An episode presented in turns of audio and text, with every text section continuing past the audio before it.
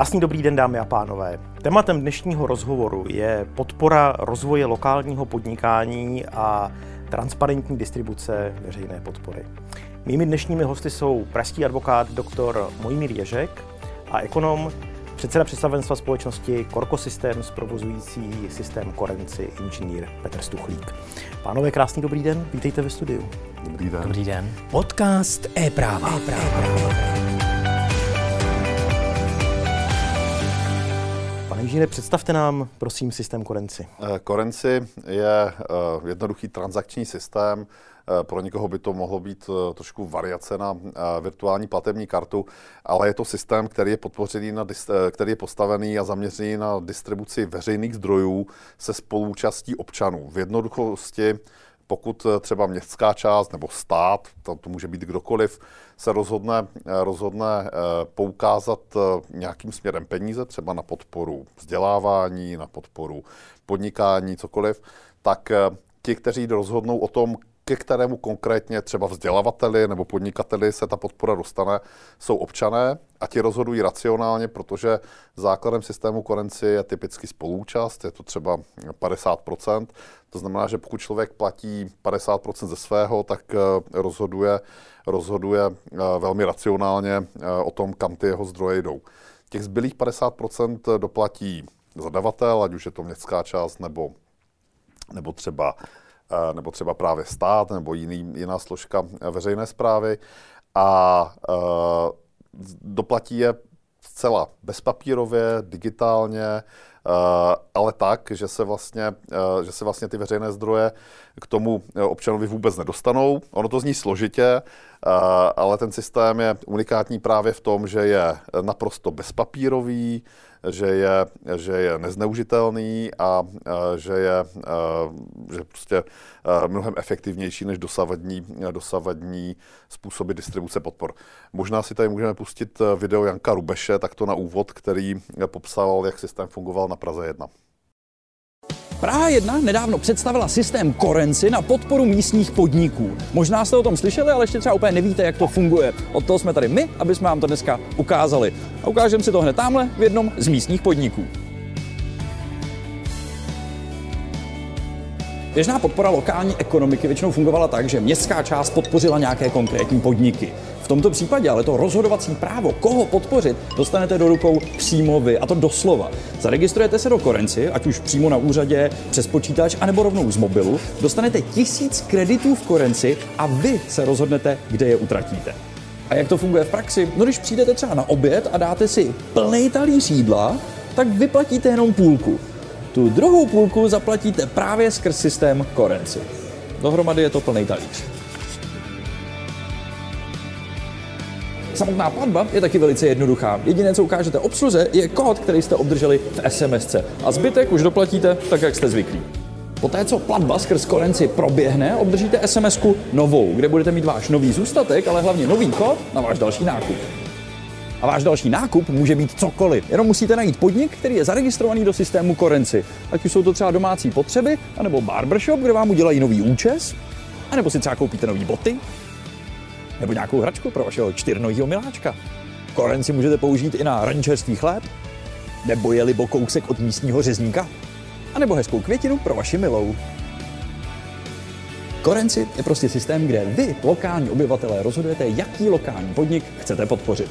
No a ať už jste občan nebo obchodník a zajímá vás víc, tak vyražte na korenci.cz.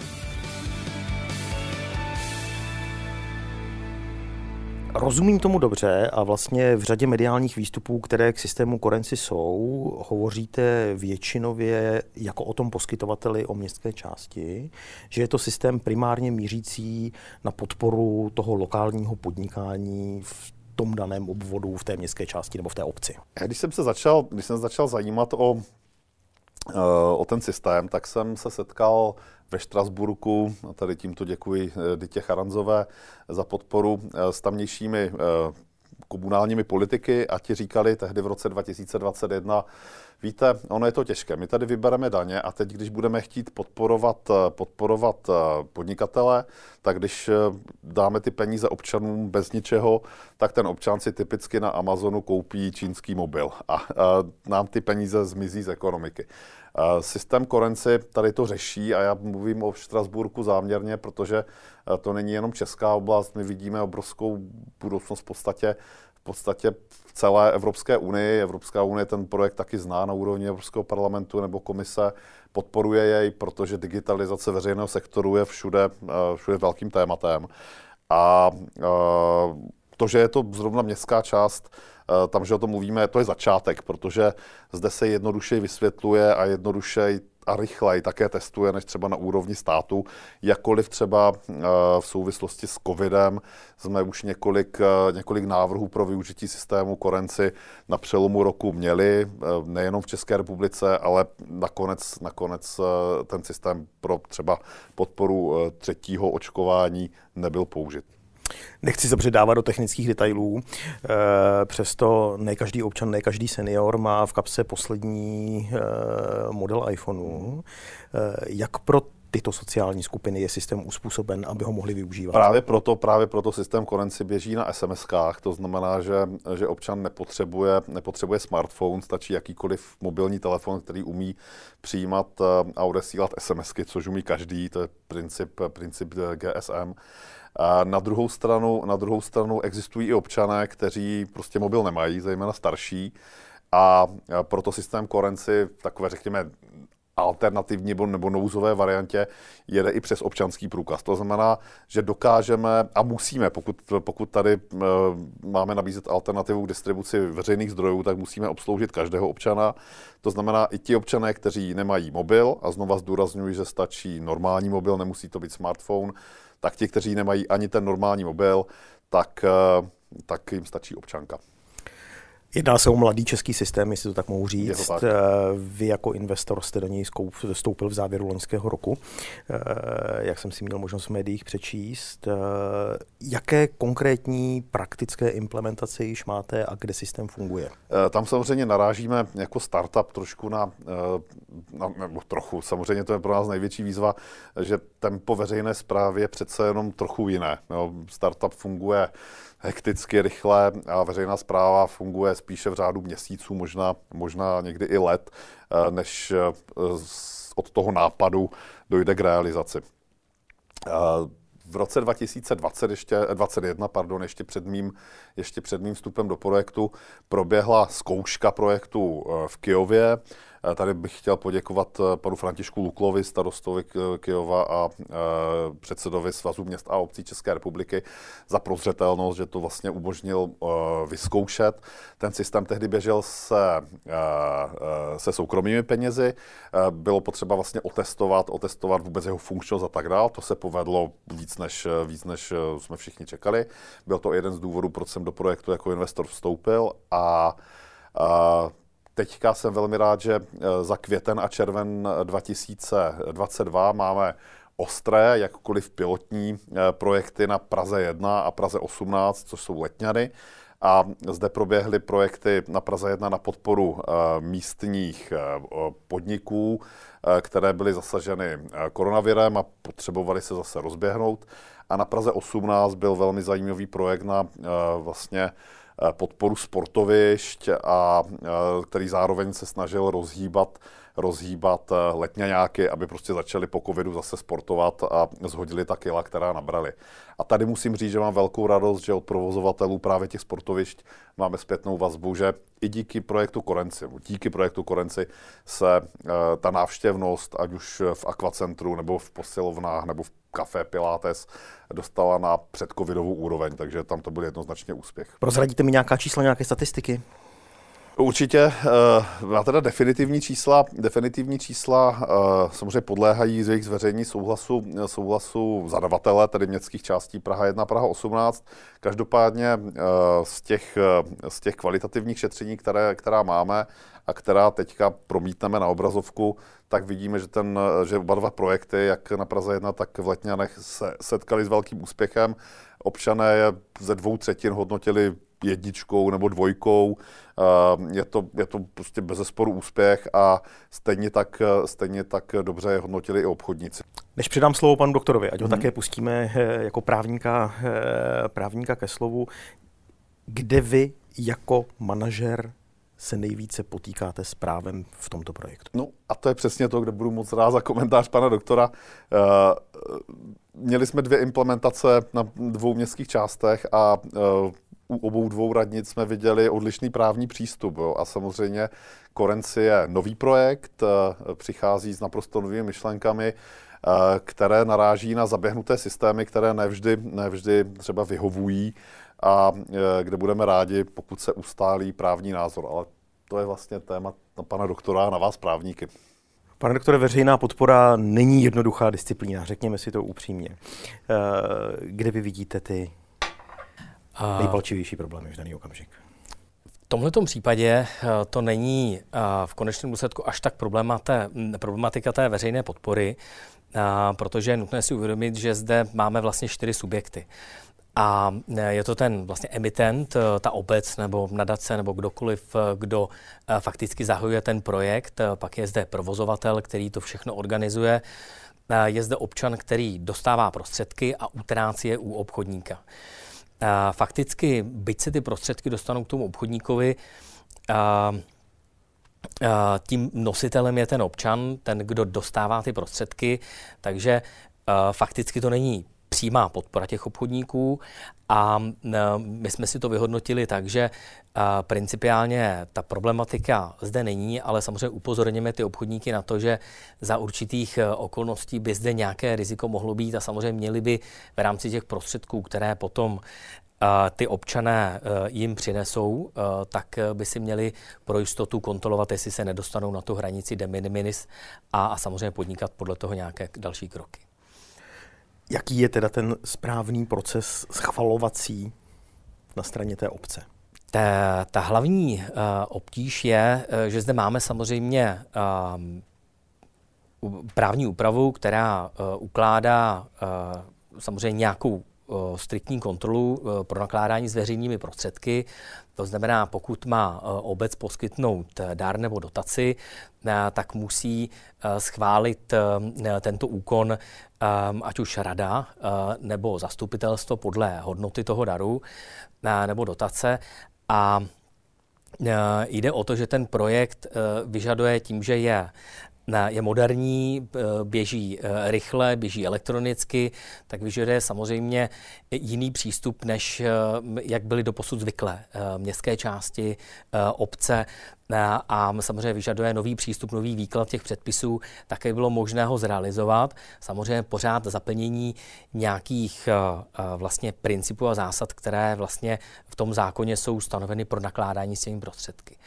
Takže Eh, my potřebujeme hm, vždycky vyřešit to, aby došlo ke schválení třeba tisíců uh, darovacích smluv a, a současně, aby ten proces jak toho schvalování, tak potom uzavírání byl co nejjednodušší, nejkomfortnější v dnešní době, aby proběhl elektronicky, eh, ale aby samozřejmě pořád to nakládání s těmi veřejnými prostředky bylo nějakým způsobem ochráněno.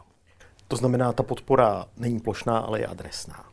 Uh, je to tak, tak, že nelze říct, že tak. podpoříme matky samoživitelky, řeknu jako příklad, uh, podpoříme konkrétní občany a jedná se o tisíce občanů je to... a tisíce smluv uzavřených, jo. pevně doufám, elektronickou cestou. Přesně tak. To je ten cíl, samozřejmě, aby všechno proběhlo nějakým způsobem automaticky, aby se nevyžadovalo uh, uh, vytištění smluv, posílání smluv, ale aby bylo možné uh, vlastně uh, v co nejkratším čase ten projekt implementovat a ty občané, aby měli samozřejmě i včetně těch vlastních prostředků možnost v souladu s podmínkami toho projektu eh, vlastně utrácet. Jak tady bylo řečeno, třeba ne, aby mohli, eh, když se eh, rozhodnou zapojit do projektu, tak v okamžiku, kdy se zapojí, tak aby mohli odpoledne na to sportoviště jít a dostat de facto polovinu těch, toho vstupného uhrazeného třeba od městské části a, a fakticky nečekali na to, než se to dostane do zastupitelstva, než se jim vrátí nějaká písemná darovací smlouva. Rozumím tomu tedy tak, že jsou projekty, které mají nějaký sociální prvek a jsou projekty, které mají, řekl bych, společenský prvek nebo zdravotní prvek nebo e, zájem to je, o blaho občana. To je přesně, to je čistě na uh, zadavateli toho projektu, který si může přesně vytipovat tu oblast, kterou chce podpořit. To znamená, jsou oblasti, které nebo období, kdy v rám po covidu nebo v rámci covidu je potřeba podpořit obecně podnikání nebo uh, určitý, určitý segment, ne, anebo uh, některé uh, obce cítí nutnost podpořit a, a, matky s dětmi, školáky a, nebo ne, nebo po, po, podpořit kulturu, sportoviště a tak dále. Takže to je čistě na tom zadavateli toho projektu, aby si nadefinoval to, kam chce ty peníze dát a samozřejmě za spolúčastí těch občanů. To znamená, že to není čistě o tom jenom, že to někdo dostane zadarmo a pak si toho neváží, ale je to o té spolúčasti, kdy musí vždycky přispět i ten, i ten občan tou svojí částí. Takže bych chtěl Ono to sice zní jednoduše, ale tím, že tam máme čtyři subjekty, samozřejmě ty platby probíhají i prostřednictvím toho zprostředkovatele, tak se v pozadí běží poměrně komplikovaná smluvní dokumentace, ale která by měla být uzavíraná elektronicky. To znamená, aby e, nedocházelo k tomu, že tisknete ehm, e, tisíce a tisíce stránek, které stejně v, konečném důsledku nikdo nečte. A, ehm, a proto i my z hlediska toho výkladu těch, těch předpisů se domníváme, že by mělo být možné, aby zastupitelstvo nebo rada unblock dopředu schválilo podmínky těch darovacích smluv a i ty kritéria, komu budou darovány, byť ještě v tu chvíli není známa identita přesně toho občana, ale ten způsob nakládání s těmi prostředky je pevně dán a pak už je to jenom otázka té realizace samotné, uzavření té darovací smlouvy, kdy ten občan, když se přihlásí přes internet nebo vyplní někde nějaký dotazník na, na info přepážce, protože třeba nemá ten internet, tak, tak vlastně automaticky je s ním ta smlouva uzavřena a není nutné běžet nějaké kolečko s tou smlouvou do rady, a zase vracet tu smlouvu zpátky, ještě ji v mezidobí podepsat a tak dále. Kdo je vlastně tím generátorem těch nápadů, co podpořit? Teď nevím, jestli otázka na pana doktora nebo na vás, pane řediteli. Přichází s tím ti občané v té městské části, ti lokální podnikatelé, ty municipality sami?